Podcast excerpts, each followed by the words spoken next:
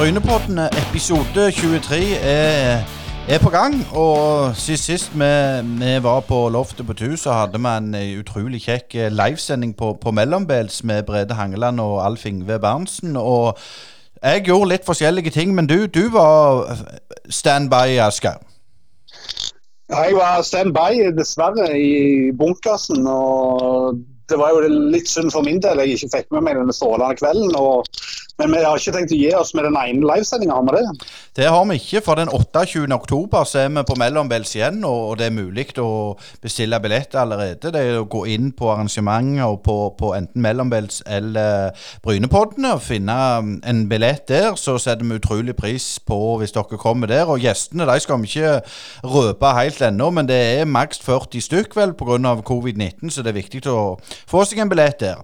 Men i løpet av denne sendinga så har vi jo prata med Thomas Tuen og B-gjenglederen. Uh, Even Sehl med analysehjørnet. Så er det òg en, en, kar som likte å skåre mål før i tida vi har tatt en, en god prat med.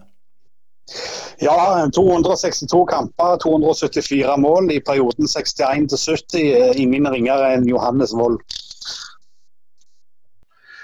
Ja, da har vi med oss Even igjen med taktikkhjørnet og oppsummeringer fra forrige kamp og litt inn mot neste siste kamp i denne runden.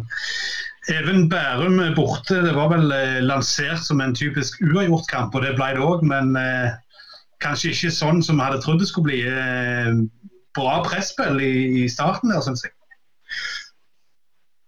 Ja, det, det var det. Så sier det, ingen enkel kamp.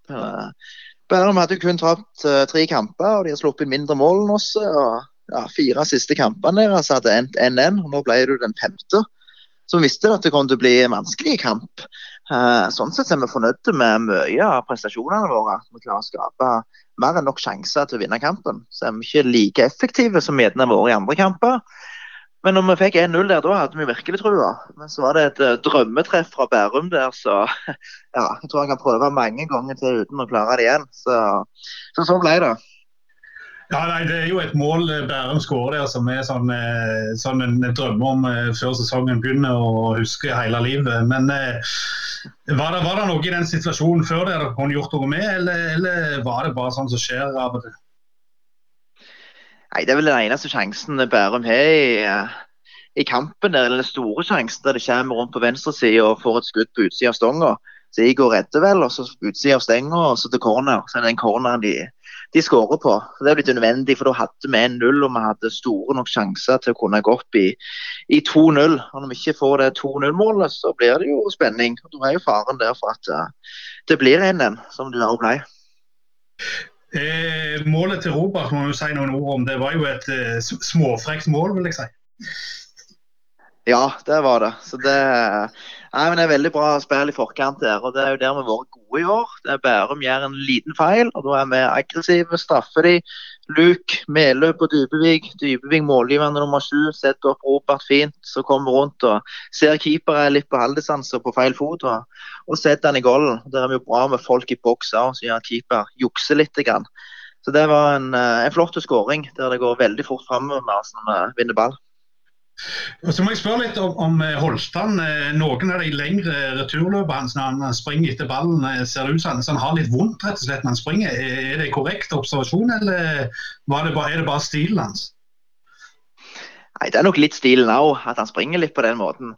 Uh, jeg er ikke, ikke helt 100% men han var mye friskere enn det han var kampen før. Og er i god framgang. Så han kjente seg fin i kampen. og også fin i dagene etterkant. Så det gikk fint, det. Så tok vi han ut et kvarter før slutt, sånn at vi ikke pusher for mye. At han plutselig får noe tilbakeslag. For det ønsker vi ikke inn mot det viktige sluttspillet. Men han var frisk og holdt han. Var jo nærme en, en skåring og to der.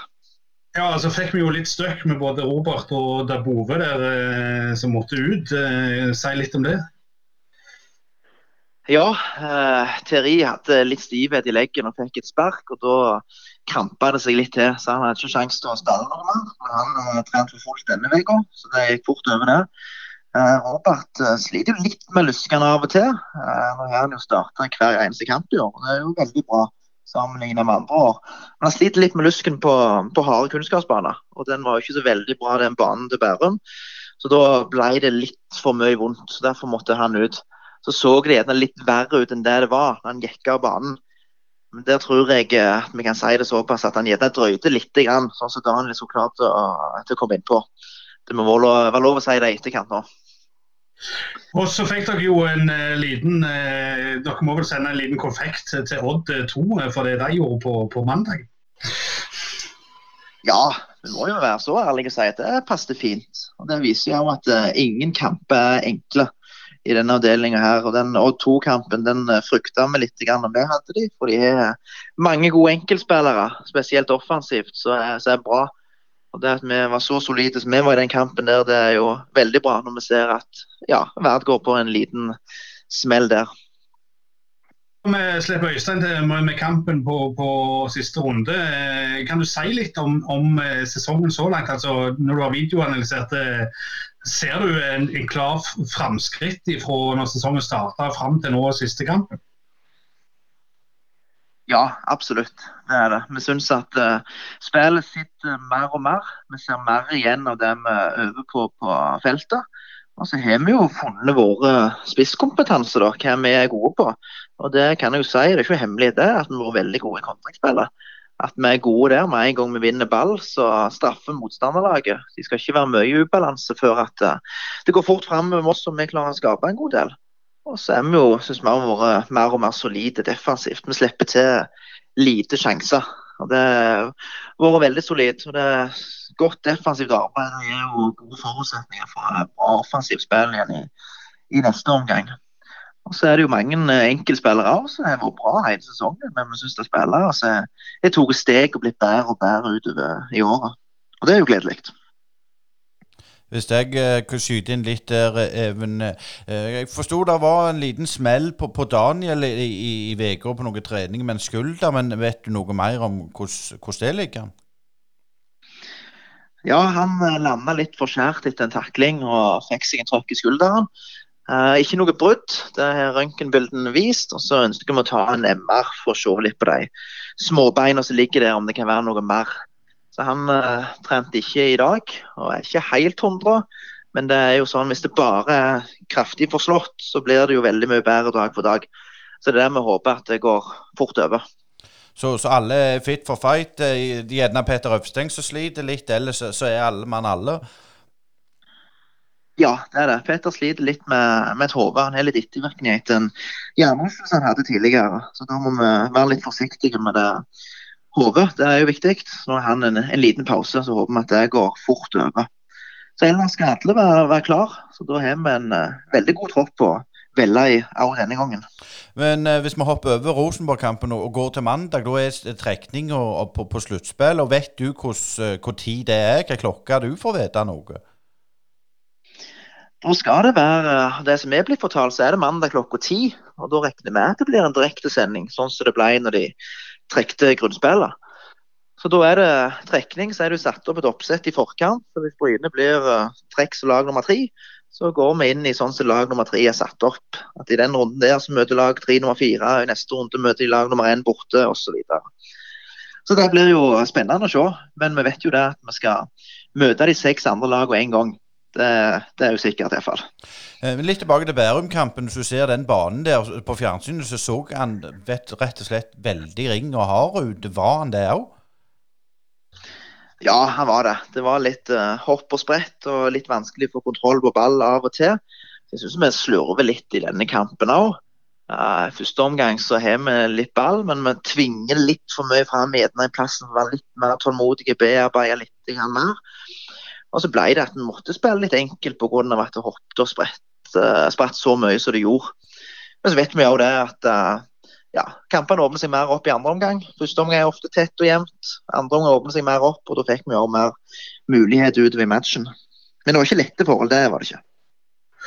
Eh, Even, jeg vil litt, litt tilbake til den trekninga. Altså, lag eh, som blir trukket som, nummer én, eh, som jeg i starten trodde var liksom det laget som ble nummer én, de, de, de får eh, ei uke fri. Er det en fordel eller en ulempe, tror du, sånn som situasjonen er nå? Det er vanskelig å si. Det er vel litt i hva, hva flyt enkelte lag er. og er. Vi er jo i god form nå. Jeg sjøltillit og bare lyst til å, å peise på og spille fotball hver eneste helg med. Så får vi ta den frihelga når en gang kommer. Men når han kommer, så er det jo sikkert for så vidt greit òg. For nå har vi jo etter lørdag spilt 13 kamper, og i normal sesong da, så er det jo en fire ukers pause. Mens nå er det jo 19 kamper egentlig i strekk. Så sånn sett er det gjerne greit å få en ferie, ikke ferieuke blir det, men en uke uten kamp. Der vi gjerne kan ta to fridager f.eks. For, for å, å bryte av litt og frigjøre litt energi.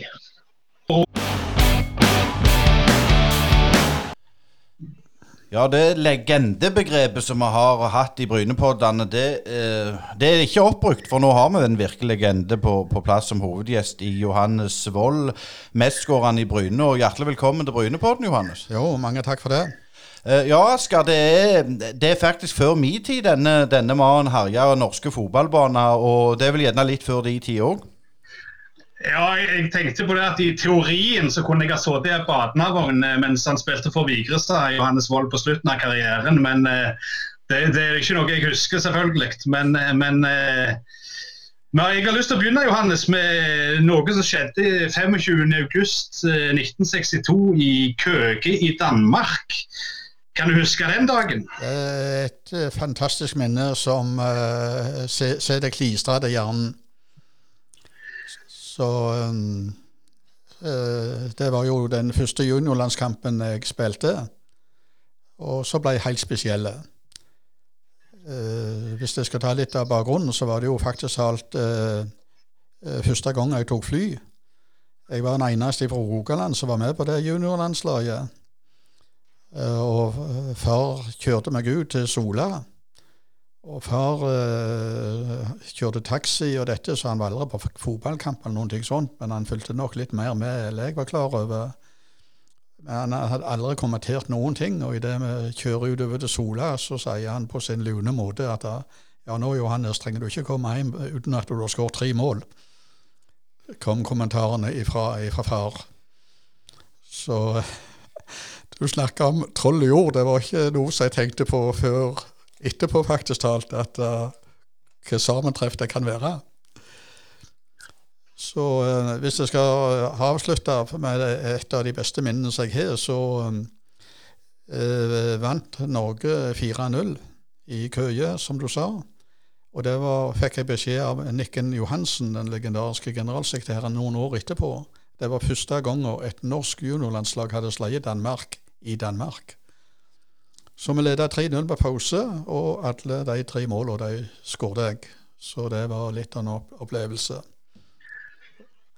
Ja, det er jo en, en, en vanvittig landslagskarrierestart altså, som U19. Du var jo knapt 17 år den gangen. Men eh, indre venstre spilte du den gangen, fant jeg ut her. Eh, det er en posisjon som folk flest ikke kjenner til lenger. Hvordan fungerte den? Nei, det, du kan si i den tida så var det så det het trebacksystemet. Du hadde en senterhav for to bekker, og du hadde en senterløper og eh, to indreløpere og to vinger. Så indreløperne de lå litt tilbaketrukne i forhold til senterløperen. Så du eh, lå der mellom havene, så du fikk et relativt godt spillerom på, på banen. Men jeg har lyst til å, å trekke deg litt enda lenger tilbake til eh, Selv om vi tok det beste først, holdt jeg på å si. Eh, du vokste opp på Vigrest, eh, som den gang var en ganske liten plass. Eh, hvordan var det med idrett og, og sport eh, på Vigrest eh, når du vokste opp?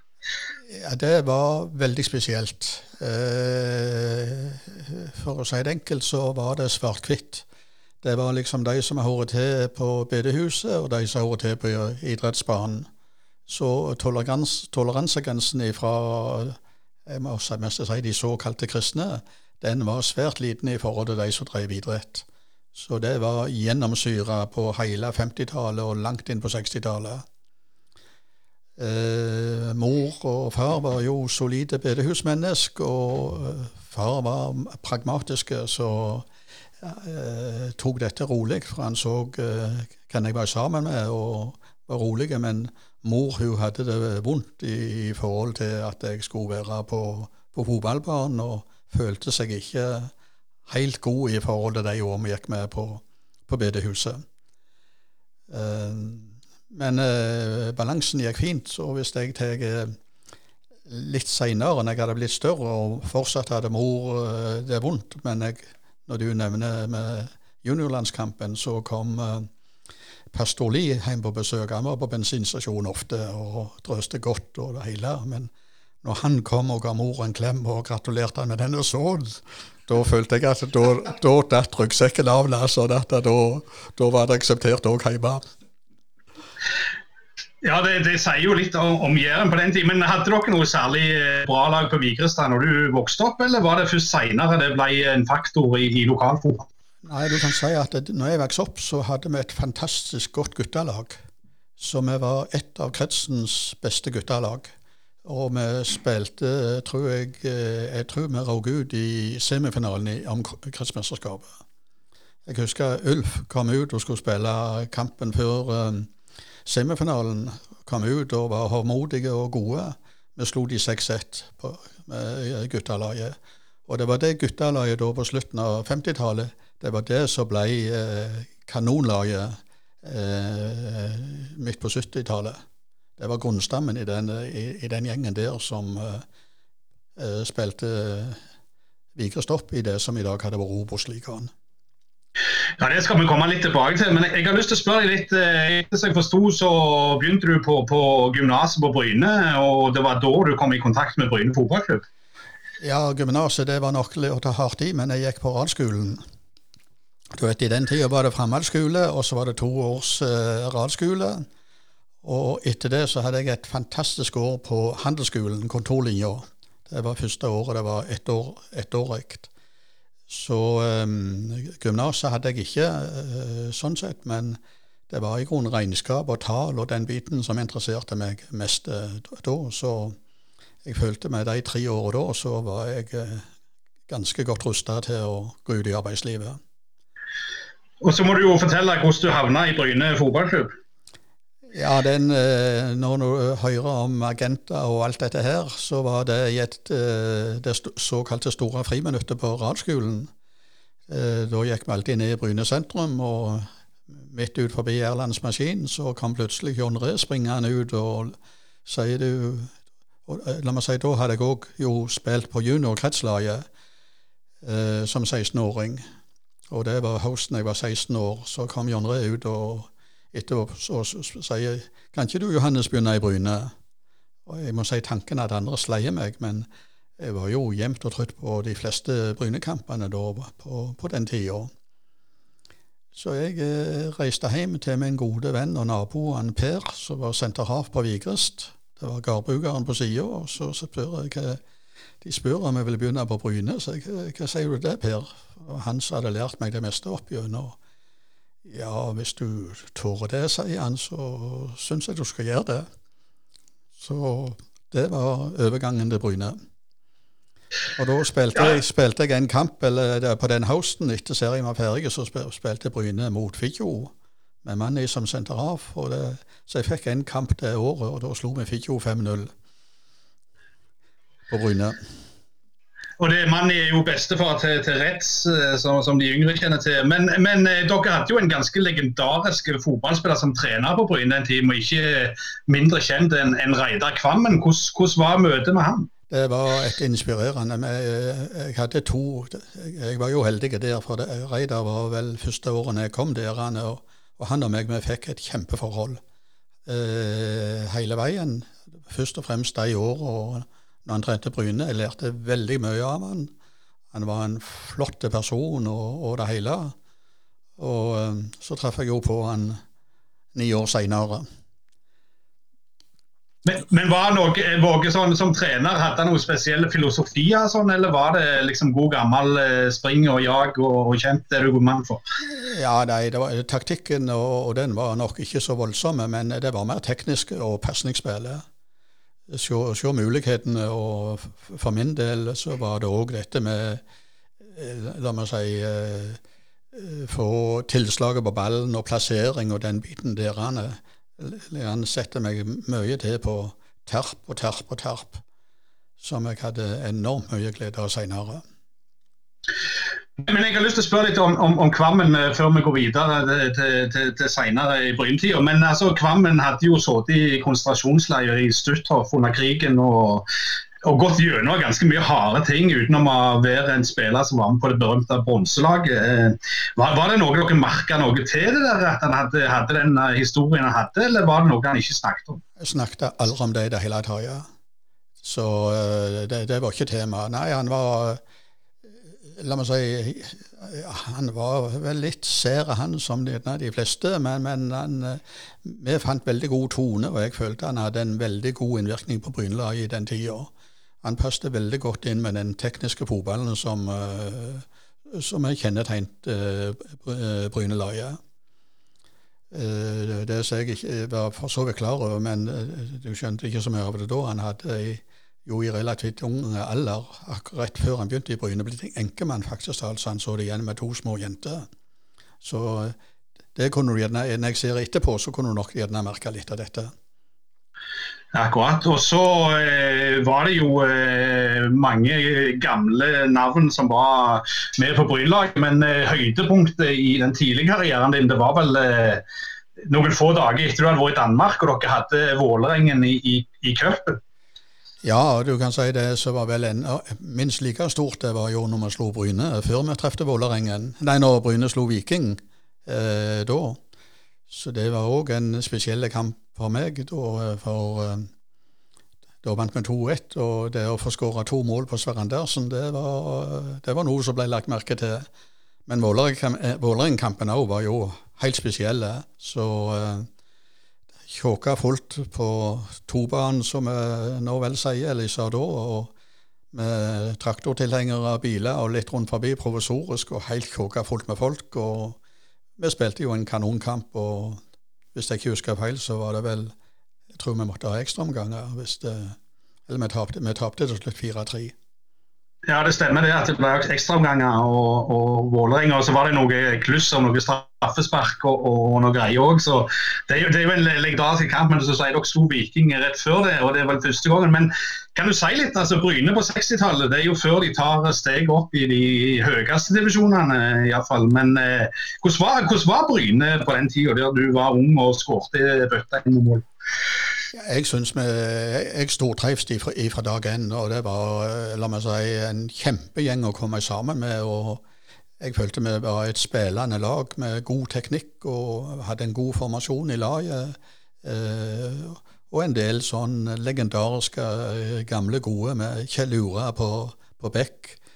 Gamle Øyvind Bråten sto i mål, som var veldig spesielle. var på tampen hans. Da er det Christian Hamre som eh, sendte Raf av den gamle, gode typen. Kåretu, eller Kappen, som vi sa, på midtbanen, som eh, sprang. Eh, som gjorde jo hele kampen. Det var Og så hadde du jo Per Undheim, som jo var den, den, beste, for å si det sånt, på, på venstreving. Som jeg sa, Per hadde en teknikk og finte og dribla. og megla litt i han, så han han først hadde dribla seg inn mot mål, så trengte han ikke drible seg ut etterpå. Så, eh, og Gaute Skrudland som eh, senterløper var jo som en tanksenter og skikkelig goalgutter, det òg. Men min del, eller må si på Bryne, så spilte jeg indre høyre, og jeg hadde eh, indreløper, og så hadde jeg Torbjørn Reime, typen, på, på, på, som eh, ytre høyre. Og kombinasjonen med meg og Torbjørn, den var glimrende. Torbjørn lå helt ute på streket hele veien, så dette med å kunne spille pasningsspill, enten kunne jeg slå rett på han, eller kunne jeg spille i luka, og Torbjørn forserte fram til inn mot mål, og så kommer det en skrå, fin pasning ut som jeg kunne breisida uh, inn. Så Eh, eh, når jeg ser tilbake på skåringene mine og alt det som jeg har fått opplevd, så har Torbjørn, eller typen som vi sa på den tida, en veldig stor del av den æra. Ja, bare For å oppsummere for de som ikke vet. altså Du har 262 kamper for Bryne og 274 mål, som er jo over ett mål per kamp. Eh, Arne Norheim var vel òg med da i, i starten? i fall. Arne Norheim, i den Vålerengen-kampen så lå vi under 3-2 så følte jeg jeg hadde et mislykka innlegg. Eh, og der lå Arne som et strek i lufta eh, og hetta i, i, mål. Så Arne var Han spilte jo ikke så I og med at han studerte i Skottland og var i Amerika en periode, så Men Arne var jo en, en, krumtapp på laget. Det var innsats til, til 1000 og en glimrende ho hovedspiller. Nå skal vi snart slippe til Øystein, men jeg, jeg så noe, jeg bladde i noen gamle aviser på internett. og da dukket det opp et lag som eh, ikke så, så, mange kjenner til, som kalte seg for Red Devils. Som har spilt i en vinterserie mot et lag som heter Kilsneg Svaboda i Vida sin vinterserie i 71. Og dere spilte seks kamper, hadde 63-6 i målforskjell. Hvordan, hvordan, hvordan kom du Hva er dette var for noe? Nei, det var denne vintercupen, og da var det Der var de fleste av Bryne-spillerne med eh, på dette eh, noen år. For det var jo du vet, På den tida så var det ikke så eh, la meg si noe vintertrening, så dette var en kjærkommen tilvekst utenom det ordinære. Og Hvis du går tilbake til NO60, så, så begynte oppkjøringa til sesongen den begynte 1.3. Og så med seriestart i begynnelsen av mai.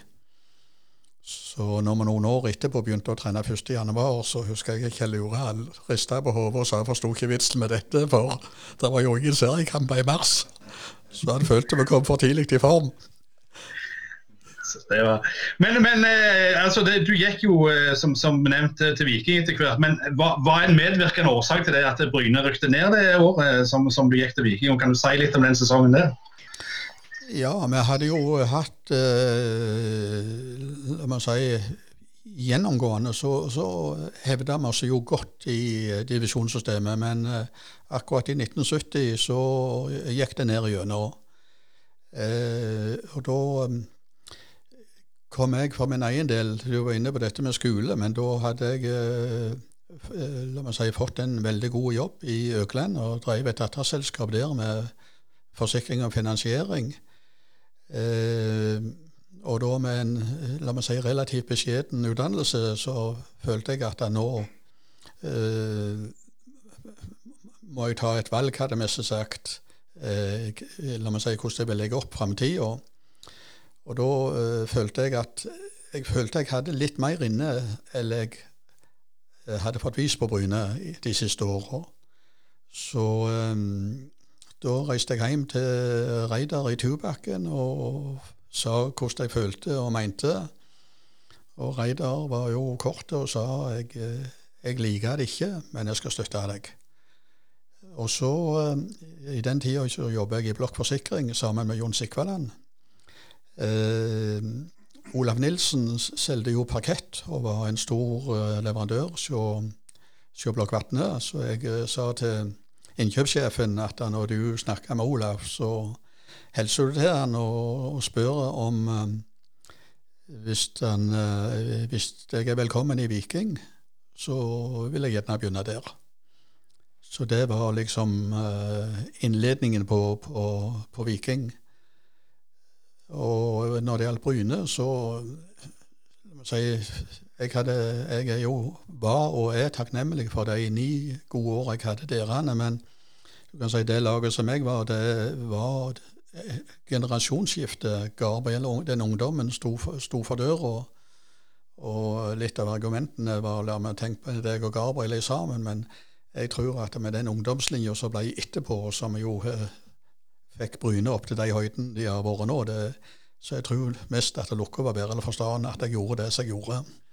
Eh, det er litt artig når du nevner Reidar B2 der, Johannes, for han har jeg snakket med litt i dag faktisk om deg. Og han forteller den historien som du sier der. Og, og, og jeg måtte litt spørre litt hvordan du var som spiller. Og, og da var han ganske nådeløs, som Reidar B2 kan være. Så sier han nei, Johannes han hadde en god venstrefot. Ja, Høyrefoten hadde han til å stå på, og, og elendige hodespiller.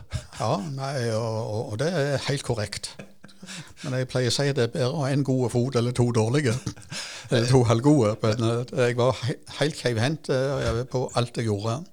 Men, men så sa han òg det at du, altså de statistikkene dine er jo helt eksepsjonelle. Du har jo flere mål enn kamper for Bryne. Og eh, du nevnte Reidar Kvammen, men trente du på, på, dette? For du er en sånn dukkeoppspiss. sant? Altså, du, du, var der bare? Ja, jeg, eh, La oss si sånn som jeg vurderte meg sjøl, så hadde jeg en bra teknikk. Jeg var ikke av de raskeste, og, eh, men jeg hadde et godt tilslag på ballen. Og, og, og la meg si eh, Jeg tror nok at jeg hadde en relativt god evne til å, å se åpningene og se, finne gode plasseringer inne i, inn i feltet. Nå, nå, bare, nå, snakker du, du som Jærbu. Relativt god evne. Ja, jeg vil si du hadde ekstreme evner. Ja, det, det vet jeg ikke, men jeg, jeg, jeg, jeg er godt fornøyd, for å si det sånt. Det, det, det, men, og hodet, det, det, følte jeg meg i gang at jeg har sagt jeg har lagd noen mål med hodet, men jeg følte meg aldri trygg i lufta.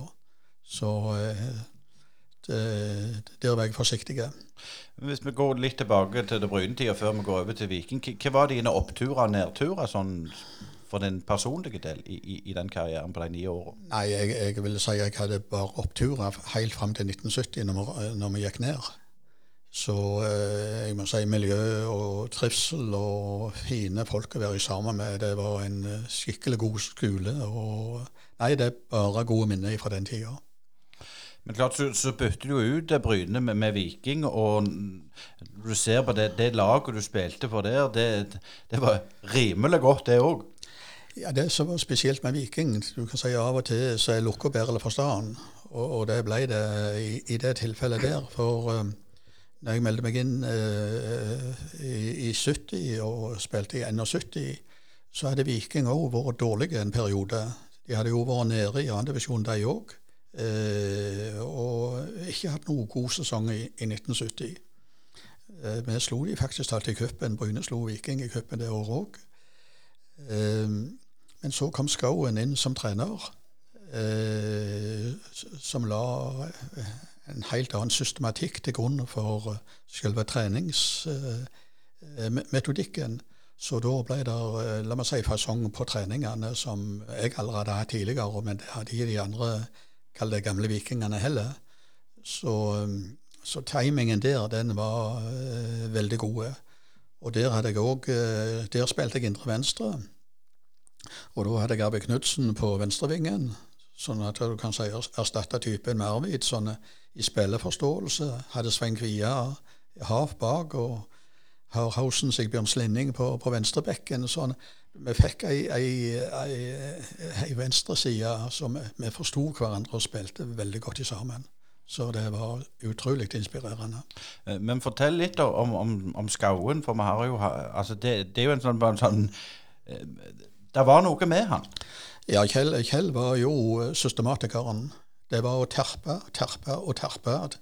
Av og til var du så lei at du kunne springe hjem, men, men han ga seg ikke før detaljene sådd. Og det var om han igjen, om igjen, om igjen. Eh, og det var Kjell sin styrke. Det var, det var, gjennomtenkt og gjennomplanlagt og det hele. Og, og, og da trente min formasjon. Som eh, som jeg aldri hadde gjort, vært med på tidligere. Tenkte du, Var det forskjell i treningsmengde? Følte du at du kom til, til en enda mer profesjonell klubb da? Ja, det var sånn åtte dag, det. Det, det. det, var det. Men det var det òg for de tidligere vikingene. Eh, da trente vi seks ganger i uka. Så eh, jeg kjørte hjemmefra på jobben til, på Sandnes eh, klokka sju. Og reiste rett på trening. Og var som regel hjemme mellom åtte og ni hver, hver kveld. Så det var, det var løpet på den tida.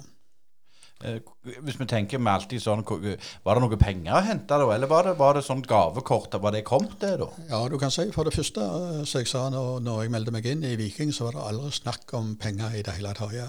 Fikk aldri ei krone, eh, og ikke spurte jeg, og ikke kom jeg på det i, dette. I den tida så var det non-amatør. Så, så, det tror jeg begynte i, antageligvis i 70-71. Så da var det Fotballforbundet som bestemte hvor mye du kunne få for vunnen kamp og for uavgjort.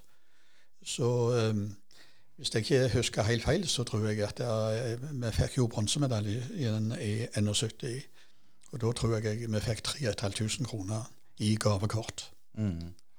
Eh, men, men, du var, var, det tre sesonger du var, og, og det ble jo noen, noen eh, seriegull òg på deg? Ja da. Så, som sagt bronse i, i 71 og gull i 72 og 73.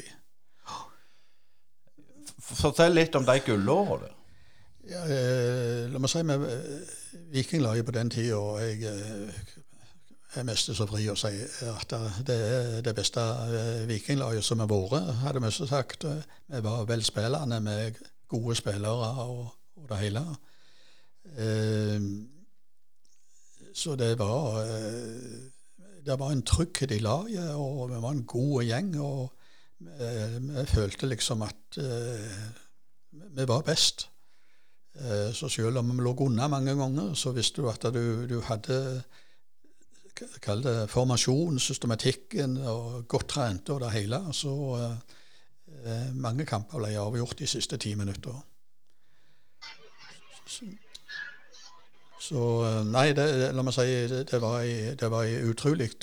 Så jeg, jeg, fikk oppleve det som jeg håpte, og, og kanskje mye mer.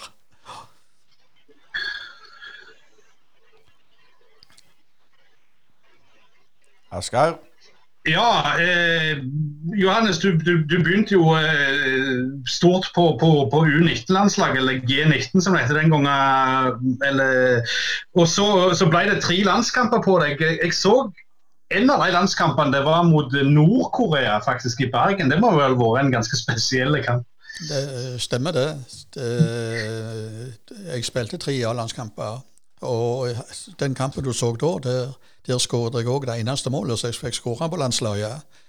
Eh, og fikk relativt god kritikk. Men eh, kampen etterpå så ble jeg utsatt. Eh, eller da kom jeg ikke med.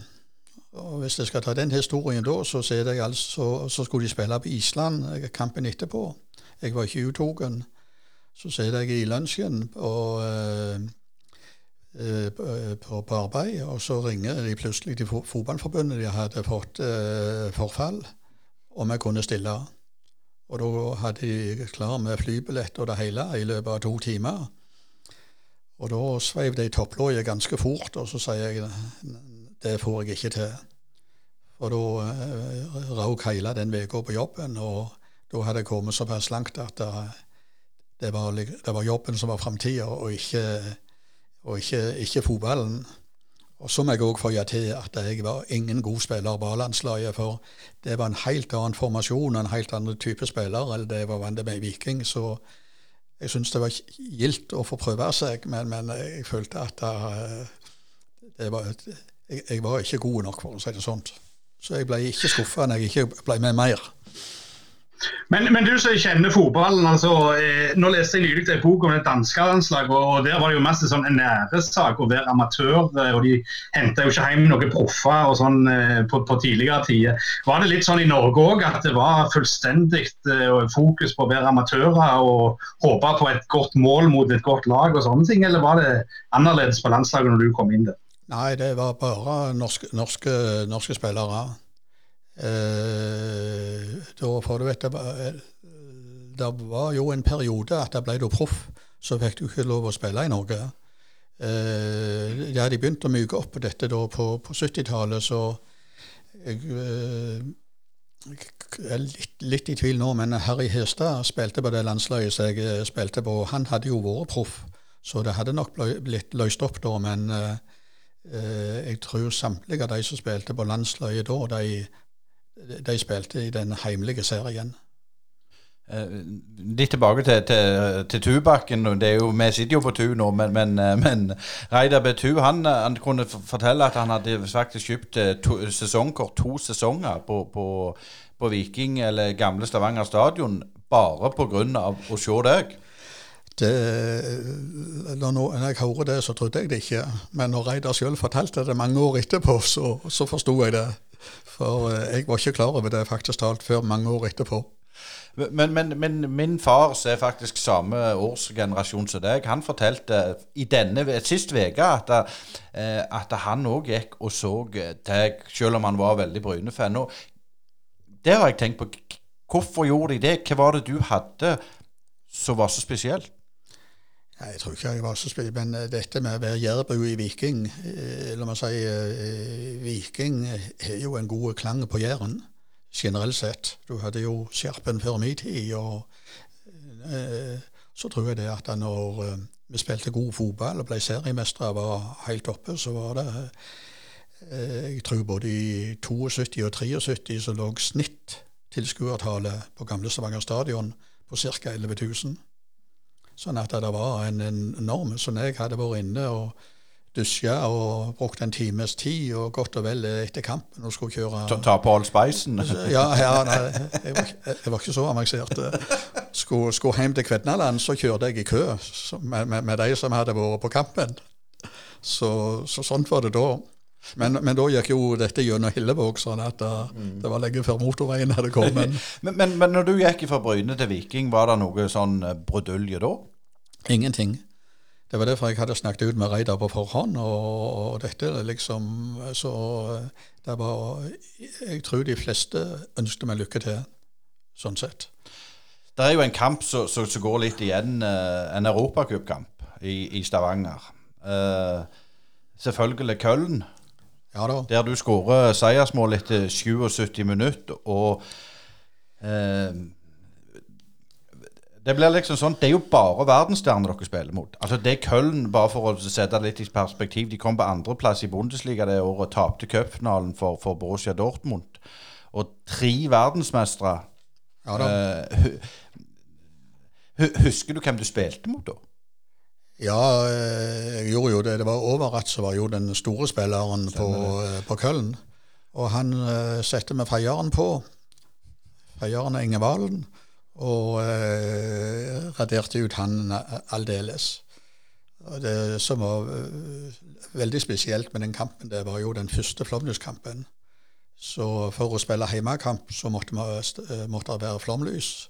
Og da hadde du vel gamle, gode Arne Rettedal i spissen, som fikk ordna det ganske fort. Så, og eh, så du si å møte et av Europas beste lag, Flomlys Jeg tror det var 17 500-18 000. Jeg tror ikke jeg hadde fått inn en eneste eh, person til. Og det er vel en av de beste kampene Viking har spilt. Eh, hvis vi går til, til returkampen, uh, hoppa litt, uh, Ja. så for å si det litt stygt, så fikk dere grisebank da. Ja, og så kan, kan jeg skryte vegge opp og vegge ned av Kjell Skau Andreassen med systematikk, flink og alt dette. Og så kommer vi ned der, og så mister han hodet aldeles. Eh, og det er jo bare herlig å tenke på. For det var jo første gangen vi hadde vært ute på, på en sånn en tur. Og Kjell hadde jo med seg handlelister på mange sider som vi skulle gjennom, og det hadde de fleste av oss. Så den eh, kampdagen den starta med at etter frokost så kom det buss klokka ti. Og kjørte oss ned til Krøllen eh, senter, senter, i sentrum der. Og hvis jeg ikke husker feil, så gikk vi der til klokka tre. Og vasste i butikker kjøpesenter og alt mulig. Og så eh, ble vi kjørt hjem igjen. Så det gjorde at de første 20 minutter de gikk glimrende. Og etter den tid så var vi pinnstive i beina. da, var, det, da var det svar. He- Hele gjengen. Så det var Nei, jeg må si det er godt gjort å være så hovdaløst som det der. Det, var det ni igjen det ble til slutt? Ja. Jeg gjorde det. Men eh, jeg kan si etter 20 minutter så var det to igjen. Så eh, i første lille halvtimen så var det ganske jevnt og, og greit. Men, men så så, så, så shoppingturen i, i føttene på samtlige. Men, men du nevner Wolfgang Overath, som var selvfølgelig den store stjerna. Så var det vel en, en eh, Jeg så Kullmann òg. Jeg vet ikke om du husker disse spillerne når jeg, når jeg, når jeg nevner de her? Nei, jeg, men jeg, eh, nei det, det var over, Overat som var den store stjerna på det tyske landslaget i den tida. Hvor god var han når du så han i, i liven? Ja, han var, jeg, du kan si at du så han i fjernsyn likevel òg, så han, han, var, han var skikkelig god. Han var en av Europas absolutt beste spillere. Ja, Asker. Det Europas beste spillere. Det, det, det svinger. Ja, det gjør det òg, men så har jeg jeg òg så at eh, i, i gamle dager holdt jeg på så drev vi med noen sånne kule kamper. De spilte Rogaland mot eh, utenlandske lag, og jeg så bl.a. du hadde med deg en kamp imot Everton en gang på 60-tallet. Ja, vi hadde noen kamper. Jeg må si de ser det ikke like godt i, eh, i minnet mitt, men eh, det, det var jo sånn eh, Heter det Intertoto-kamper eller et eller annet sånt, så vi, vi fikk noen uh, gilde opplevelser mot utenlandske lag, så det var jo veldig inspirerende. Så så jeg et, eh, et intervju med deg her at eh, du valgte å legge opp pga. Eh, jobb og familie. Du kom jo inn i Økland-systemet, som i, i den tida var jo den største bedriften i Sandnes, vel. Eh, og, og var jo en landsdekkende bedrift i stor vekst. Men hva var, hva var egentlig grunnen? Du var 31 år vel når du la opp og gikk til Vigrestad. Eller du fortsetter jo i Vigrestad, så vi kan jo ta det først. Altså, hvordan var Vigrestad når du kom tilbake der? Ja, jeg får korrigere deg. Jeg var 28 når jeg slutta. Ja, akkurat. Faktisk talt. Ja. Så, eh, og da og kan man sagt, innad i meg sjøl så var jeg helt bestemt før sesongen begynte at dette blir mitt siste år. Og sagt at jeg eh, seks ganger i uka på trening. Jeg eh, hadde gjerne fri på, på, på lørdagen, så eh, da, fant jeg ut at i forhold til, til de hjemme, hadde to små, gode gutter, så, så, måtte jeg ta et valg og da prioritere jobben hvis jeg skulle ja, få gjort det som jeg ønsket å gjøre framover. Så, så sånn sett så så var det en enkel og grei beslutning å ta for, for min del, og den, den, tok jeg helt alene. Så uh, Viking visste ikke noen ting om dette før uh, siste seriekampen eller noe sånt. Da, da, hvordan, var, hvordan var reaksjonene da blant medspillere når du kom og sa at du skulle gi deg? Nei, den, den, den, var grei. Vi hadde et kollegialt og veldig fint forhold, og jeg, ga de begrunnelsen hvorfor jeg, jeg, gjorde dette. og da uh, fikk de inntrykk ved Johannessen etter, etter, etter, meg, sånn, så det gled jo veld, veldig fint. Så kommer du til, til igjen, som er jo uh, et, et, lag som uh, plutselig ble veldig godt. Ja, og, og det var jeg òg helt klar på, at jeg, jeg ville si, trappe ned i Vigrest og spille med mine gamle barndomsvenner. og da hadde jeg jo noen gilde år der, der vi Spilte først i, eh, ja, på det nivået som Bryne er i dag. Og så siste år jeg spilte, så spilte vi oss opp i Obos-ligaen, men da hadde jeg òg gitt beskjed på forhånd at da, jeg starta ikke på nytt igjen, for da hadde jeg passert 30. Men eh, det var jo en utrolig eh, tid på, på, på Vigrest. og da tror jeg vi lå stort sett på mellom 1500 og 2000 tilskuere faktisk talt i, i den tida. Det var, det var utrolig ille periode. Med, grunn, med grunnstamme stort sett bare fra Vigrest. Men det, det, er klart, du, du, du, har jo ikke gitt deg med fotball sånn på, på, dine voksne dager heller, for du har jo vært en ledende skikkelse i uh, fotballkretsen? Ja, det, det, stemmer det. Etter at jeg var ferdig i, i Vigrest, så det var ikke så mange år etterpå, så spurte de da om jeg ville være med i uh, kretsstyret. Og uh, var der bare et år eller to, og så var jeg med som nestleder eh, vel i seks år, før jeg òg var formann eh, i fire år. Så på det administrative planet, i og med at jeg er både Vigres, Bryne og Viking, så syns jeg det var veldig greit å, å bruke kreftene inn i, i Rogaland fotballkrets på den tida. En av de tingene du tok opp når du kom inn i kretsstyret, det var jo dommermangel. Og du ble faktisk dommer sjøl òg. Fortell litt om det. Ja, det var, det, var, alltid problem med dommerne og, og, den biten der. Og la meg si, jeg fikk jo en del henvendelser om eh, om jeg ikke kunne begynne, og det gjorde jeg. Og, og dømte to-tre år, eh, sånn sett. Men det er jo sånn med de gamle hestene og sagmuggen at jeg, eh, det gikk tålelig godt som, som, dommer, og jeg fikk gode tilbakemeldinger. Men eh, det liksom, skal du være med og, og satse, så var du plutselig tilbake. Så jeg takker for meg nokså fort der. Anne.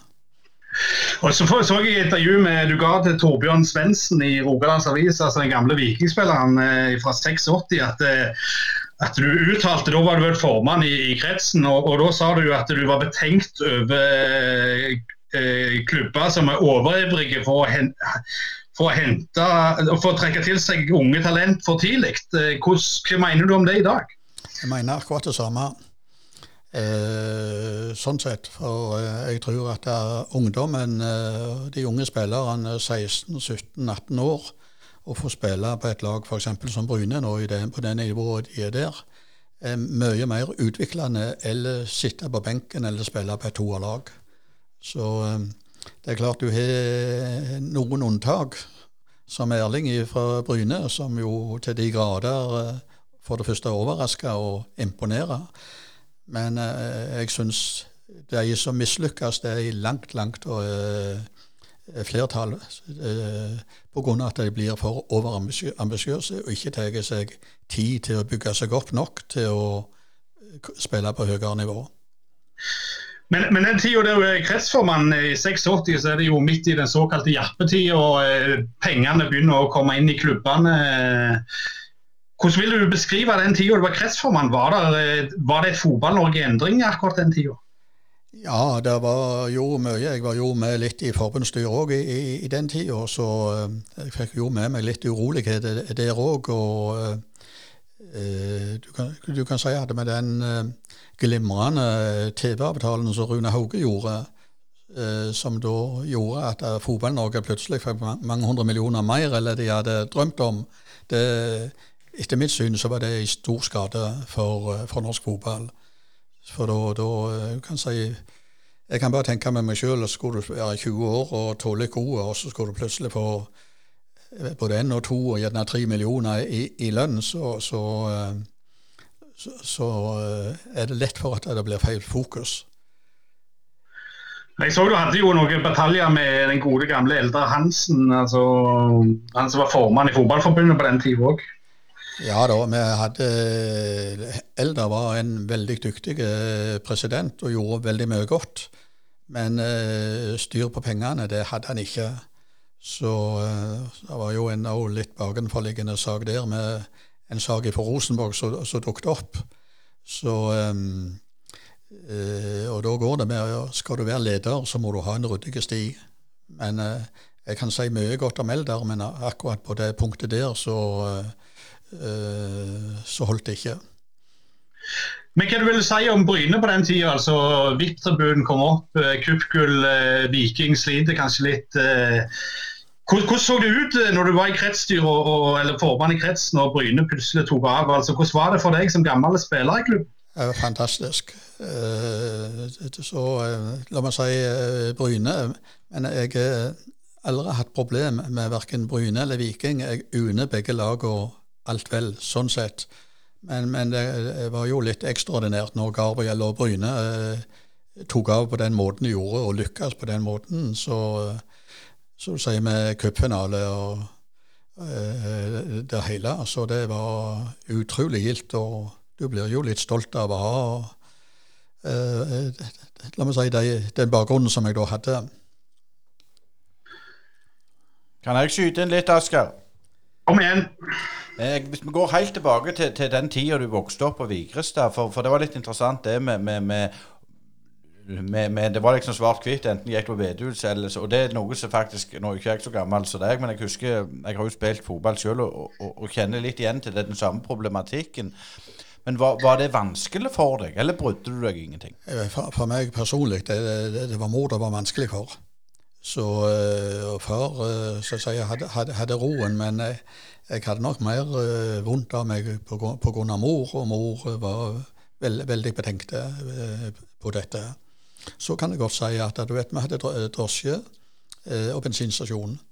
Og det er klart, det var jo danserne som på den tida finansierte driften av klubben. Mm. Og det er klart, når du så eh, Så vi fikk se baksida av alt dette ringe som skjedde i, i, den forbindelse, så har jeg ikke problemer med å se og forstå betenkelighetene i, i, den forstand, men det var nettopp å skille det ene i forhold til det andre. Mm. Eh, men du har uh, igjen da referert til, Reidar Betu. Du har jo ikke sånn uh, vanvittig utdannelse sånn sett, men du, du, har jo hatt en fantastisk jobbkarriere òg.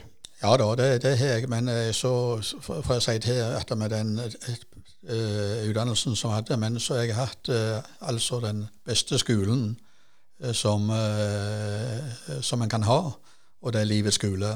Det er å lære i, gjennom de jobbene du har, og lære med å ha gode sjefer og gode medarbeidere. Så det, det er det som har si, vært en veldig god kombinasjon for meg. Ja, for du er jo involvert i næringslivet nå òg, og en styreleder og litt sånn. Fortell litt om hva det går ut på. Ja, eh, du kan si den siste 15 åra. Da var jeg jo leder av det som er Eiendomsmegleren. Og der hadde vi jo mye med boligsalg. Vi hadde òg prosjektsalg, og vi hadde òg eh, næringseiendommer. Så jeg eh, hadde tre eh, sånne fagområder. Eh, og det gjorde jo at jeg ble veldig engasjert i eiendom. Og eh, da var en periode så hadde jeg vel nesten Det høres jo voldsomt ut, men nesten 30 styreverv i 30 forskjellige selskap.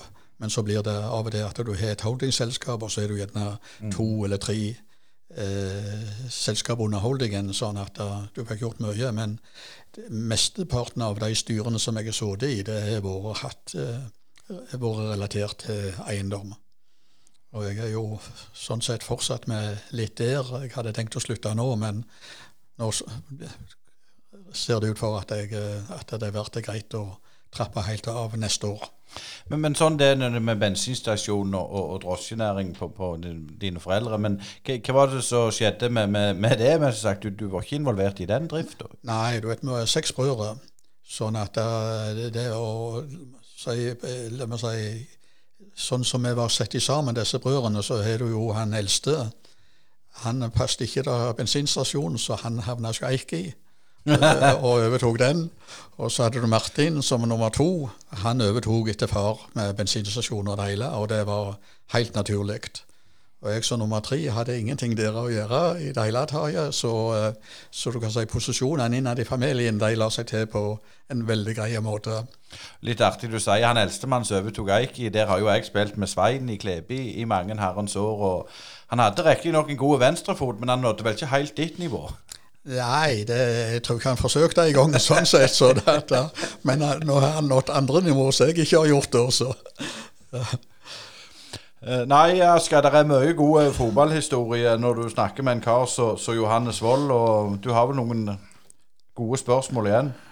Ja, jeg har iallfall ett eh, spørsmål. siden Johannes er jo eh, en mann som har eh, peiling på tall, og har hatt peiling på tall. og noe av det som har gått igjen i, i Bryne-historien fra uh, midten av 80-tallet kanskje, eller slutten av 80-tallet og opp til i dag, det er jo den der eh, økonomiske uføret de havner i med jevnt og trutt. Uh, har du noen forklaring på hvorfor det skjer, uh, om at, om at, Johannes?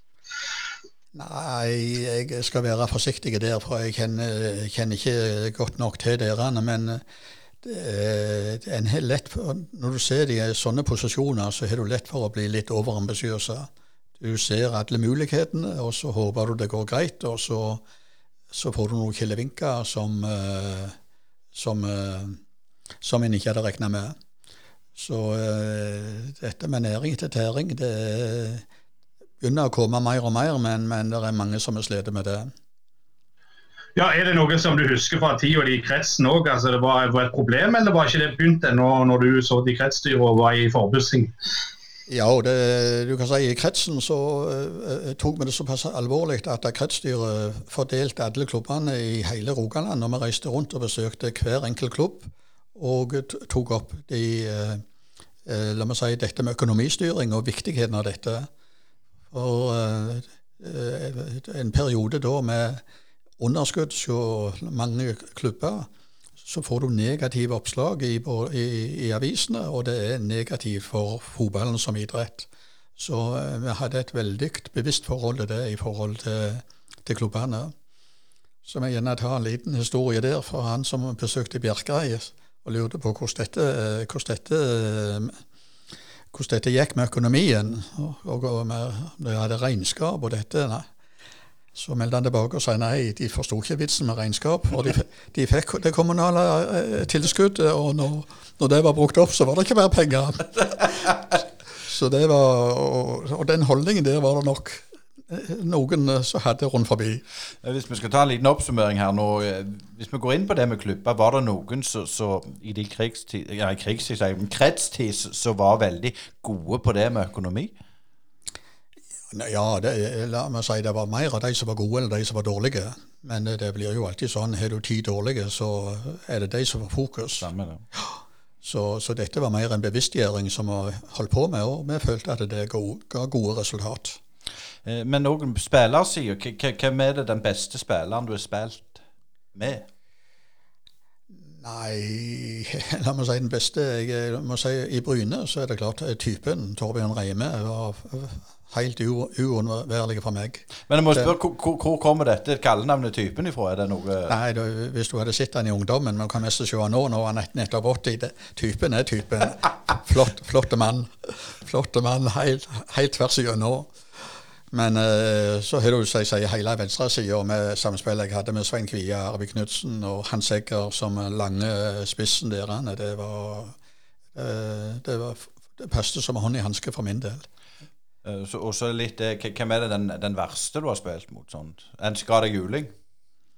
Nei, Det er det mange av. sånn at uh, Selv om at fotballen var ikke så stygg på den tida, men uh, det har blitt en del etterslengere på meg. Det, det er det, men det var ikke noe sånn jeg kan ikke si den eller den. Det, det, det er det ikke. Men òg er det jo nå langt fotballiv. Vi snakket litt om det tidligere, men klart ett høydepunkt, hvis du skal si ett?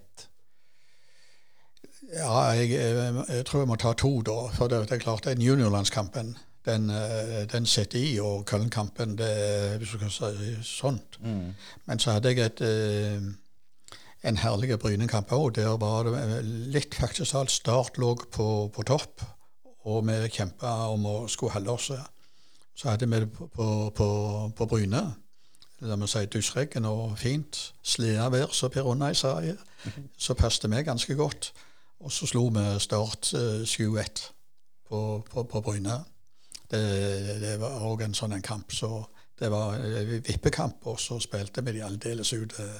Det er òg et godt minne blant mange andre. Tusen, tusen takk for praten, Johannes Wold, og at du stilte opp for, for oss i Brynepoddene. Det var bare hyggelig.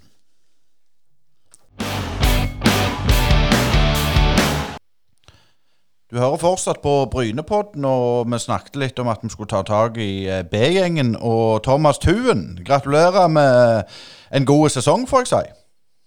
Ja, og enn så lenge, takk for det. Så får vi håpe det fortsetter. Eh, ja, vi må, vi må, ta tak i, i, Thomas, for du er jo leder i B-gjengen, har vært det siden høsten 2018. og eh, Du ble jo populært kalt Tua, og, og Tue-navnet det er jo et, et brusernavn som klinger godt i fotballfamilien. Så nå må jo jeg spørre, er du i slekt med noen av disse? Ikke i nærmeste slekt. Det er, det er, langt tilbake og før min tid. Men litt for din del, spiller du fotball, og har, har du spilt? Jeg har spilt noen år på, på både Vigrust og Varhaug, men uh, det som har stoppet når jeg har vært ungdom og 16, da var det nok. Var du ikke god nok da, eller var det andre ting som lokka? Det var vel egentlig det når vi ikke hadde stort nok kull på Vigrust, så måtte vi begynne på Vårhaug. Og så var de så mange, og så ble det lite spilletid. Og så, og så ble det vel med at det skal jo klaffe med alt vi skal gjøre òg, så da ble det mer interessant å reise på stadion og se på Bryne. Ja, for den, den interessen du, du, har for Bryne, den overgår jo ganske mye. Du har vel vært på, på de fleste bortekantene de siste åra. Hvor kom den vanvittige interessen ifra? Nei, interessen den begynte jo ifra jeg var, var, liten og ikke ville legge meg før, før, før far kom hjem fra kamp. For da måtte jeg vite hvordan det hadde gitt. Så nå, jeg over året så fikk jeg jo lov å være med da i ny og ne. Og av og til så, så ble det bare til at jeg måtte være med. For dette. De ville ikke ha meg hjemme jeg var hvis, hvis jeg ikke fikk lov å reise. Men uh, Så det er vel bare balla på seg. og Jo mer jeg har sett, jo, jo mer vil jeg se. Så nei, det er jo Interessen ligger jo i innvendig, og den er noe som tenkes på hver dag. Vi kan se fotball både hjemme og borte. og Da og nett. det er vel Det er bare sånn det er. Eh, du er jo en 1994-modell sjøl, 26 år. Og det er klart, i den tida så har jo Bryne variert voldsomt i prestasjonene. Hva er din opptur som supporter? Nei, det der har altså etter jeg begynte å gå fast på stadion, så er det vel, så er det vel bare én vei. Så altså, jeg, jeg var jo med da jeg, jeg, var på noen kamper i 99, men det, jeg kan ikke si huske noe av det. Jeg vet bare jeg har noen billetter, noe heft, kampheft liggende. Men uh, så det som jeg husker mest eller Det begynte vel da i, i kvalikkampen mot Odd i 06. da var jeg på en skikkelig busstur med B-gjengen, så det var vel egentlig da jeg fant ut at dette vil jeg være med mer på, og reise mer både hjemme og borte. Eh, Du arbeider jo i Årdal og Skeie, eh, et entreprenørfirma. Hva, sier de om den eh, jeg skulle si galskapen? Nei, jeg ga, når jeg var på intervju før jeg begynte, da, så ga jeg beskjed om at eh, jeg eh, var nødt til for å ha en del fri, for jeg skulle reise på fotball. Likevel så trang jeg ikke begynne. Så det var egentlig Jeg la lista før jeg, før jeg skrev under på noen kontrakt, så Det var klar beskjed. det ordna seg, det. Så hvis jeg bare får arbeide litt lenger når de spør, så får jeg fri når jeg, når jeg vil ha det. Eh, Men litt, litt tilbake til, til B-gjengen, eh, Thomas. Eh, Kan du fortelle litt hvor, mange dere er nå, og, og liksom aldersfordelinga? Er er det all slags folk som er med, eller er det stort sett litt yngre? Den Nå er vi rundt en sek, ja, 86-88, tror jeg vi er rundt nå denne uka. Men det er jo en nedgang på ja, rundt 50 medlemmer i forhold til i fjor. For det, folk får jo Altså Medlemmene får jo ikke tilbake så fælt mye i år med tanke på at vi ikke får gå på kamp. og Det er trange plasser på puben. og Vi er ikke så mye supporterutstyr, som vi ikke ser så mye folk. og så Medlemstallet er drastisk ned i år. Men uh, de folka som er med oss, det er jo fortsatt hele familier med unger som fortsatt ligger i magen som er blitt medlem, til de som er pensjonister og har på kamp siden ja, 40-tallet, skulle jeg si. Vi, vi snakket jo litt før vi gikk på her nå, at, at B-gjengen har jo hatt et litt, litt frynsete rykte. Men vi snakket jo om noen borteturer på 2000-tallet der som ble omtalt litt i, i både eh, i lokalmedia og, og media generelt i, i Norge. Men, men hvordan er det nå når dere reiser på tur? Er, er det jeg skulle til å si bønder på tur skikkelig, eller er det stort sett rolige former? Nei, for, vi har jo med oss en banner som det står 'bønder på tur' på. Så den, den legger lista for seg sjøl. Men vi, vi er jo vi er rolige og sindige av oss, og vi kjører en uh, type buss alt etter hva kl- klientell vi har med oss. Så hvis det er en barnefamilie og to som vil være med, så er det en, uh, er en familiebuss. Og så, hvis det er noen som skal ha tre øl, så sitter de enten helt framme eller helt bak, og så setter vi familien i andre enden. Så det, det ordna vi akkurat så det passer oss. Alt etter hvem som vil være med på de forskjellige turene. For nå, nå eh, i denne uka ble det jo klart at nå blir det åpna for, for 600 tilskuere. Og eh, nå er det vel store planer for, for sluttspillet, da? Ja, nå er jeg eh, innkalt til nytt eh, styremøte i B-gjengen, som vi skal avholde nå førstkommende mandag. Da er jo, De skal jo foreta trekning og til sluttspill på mandag, så da får vi litt oversikt over jeg regner, eller håper vi får sette opp tre bussturer.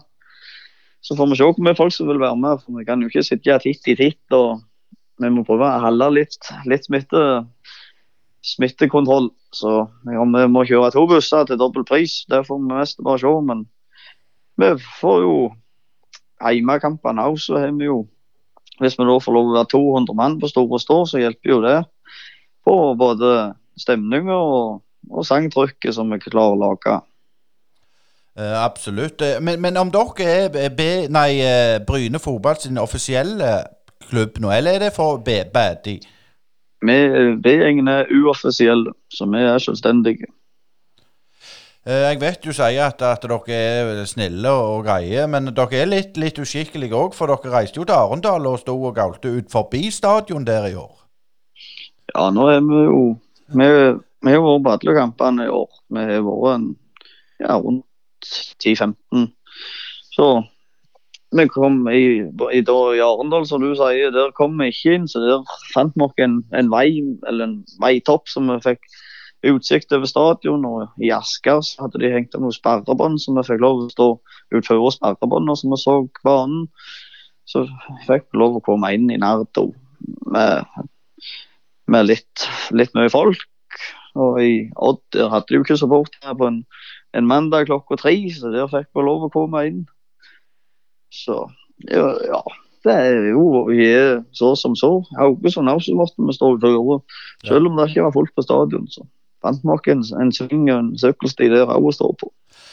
Det er godt dere er kreative. Men, men eh, sånn, eh, hvor tett forhold har dere til, til klubben? Er dere i dialog med dem, eller, eller hvordan er det? Har det endra seg nå med, med ny ledelse i klubben? Nei, eh, jeg vet Ja ja, ny ledelse. Jeg har vel Jeg personlig har jo snakket godt innad i klubben de siste Eller ja, iallfall så lenge jeg har sittet som leder. Så hvis det er noe jeg lurer på, så går jeg ned på klubbhuset eller så tar jeg en telefon, og så får vi greie på det, og så er vi ferdige med det. I plass for å gå og morre og, og tenke på det og baksnakke om det. Så er det greit. Det er jeg, ja, jeg, jeg tror, jeg, sånn som jeg ser det, så mener alle parter at det er greit å bare ta det opp og så fikse det, eller så er vi ferdige med det.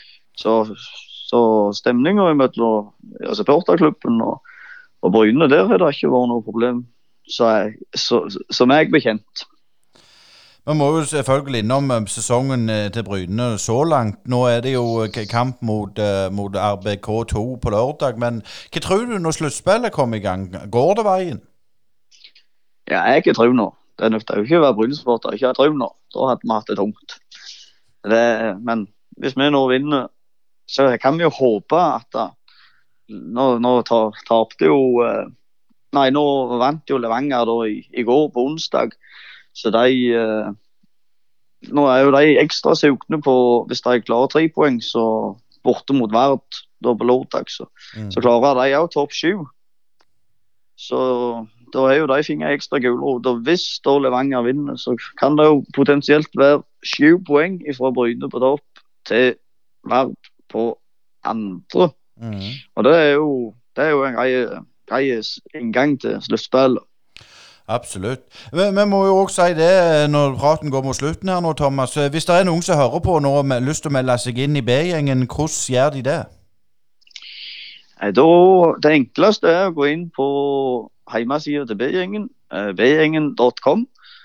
Der eh, ligger eh, et skjema. Du skriver inn navn og nummer og eh, e-mail.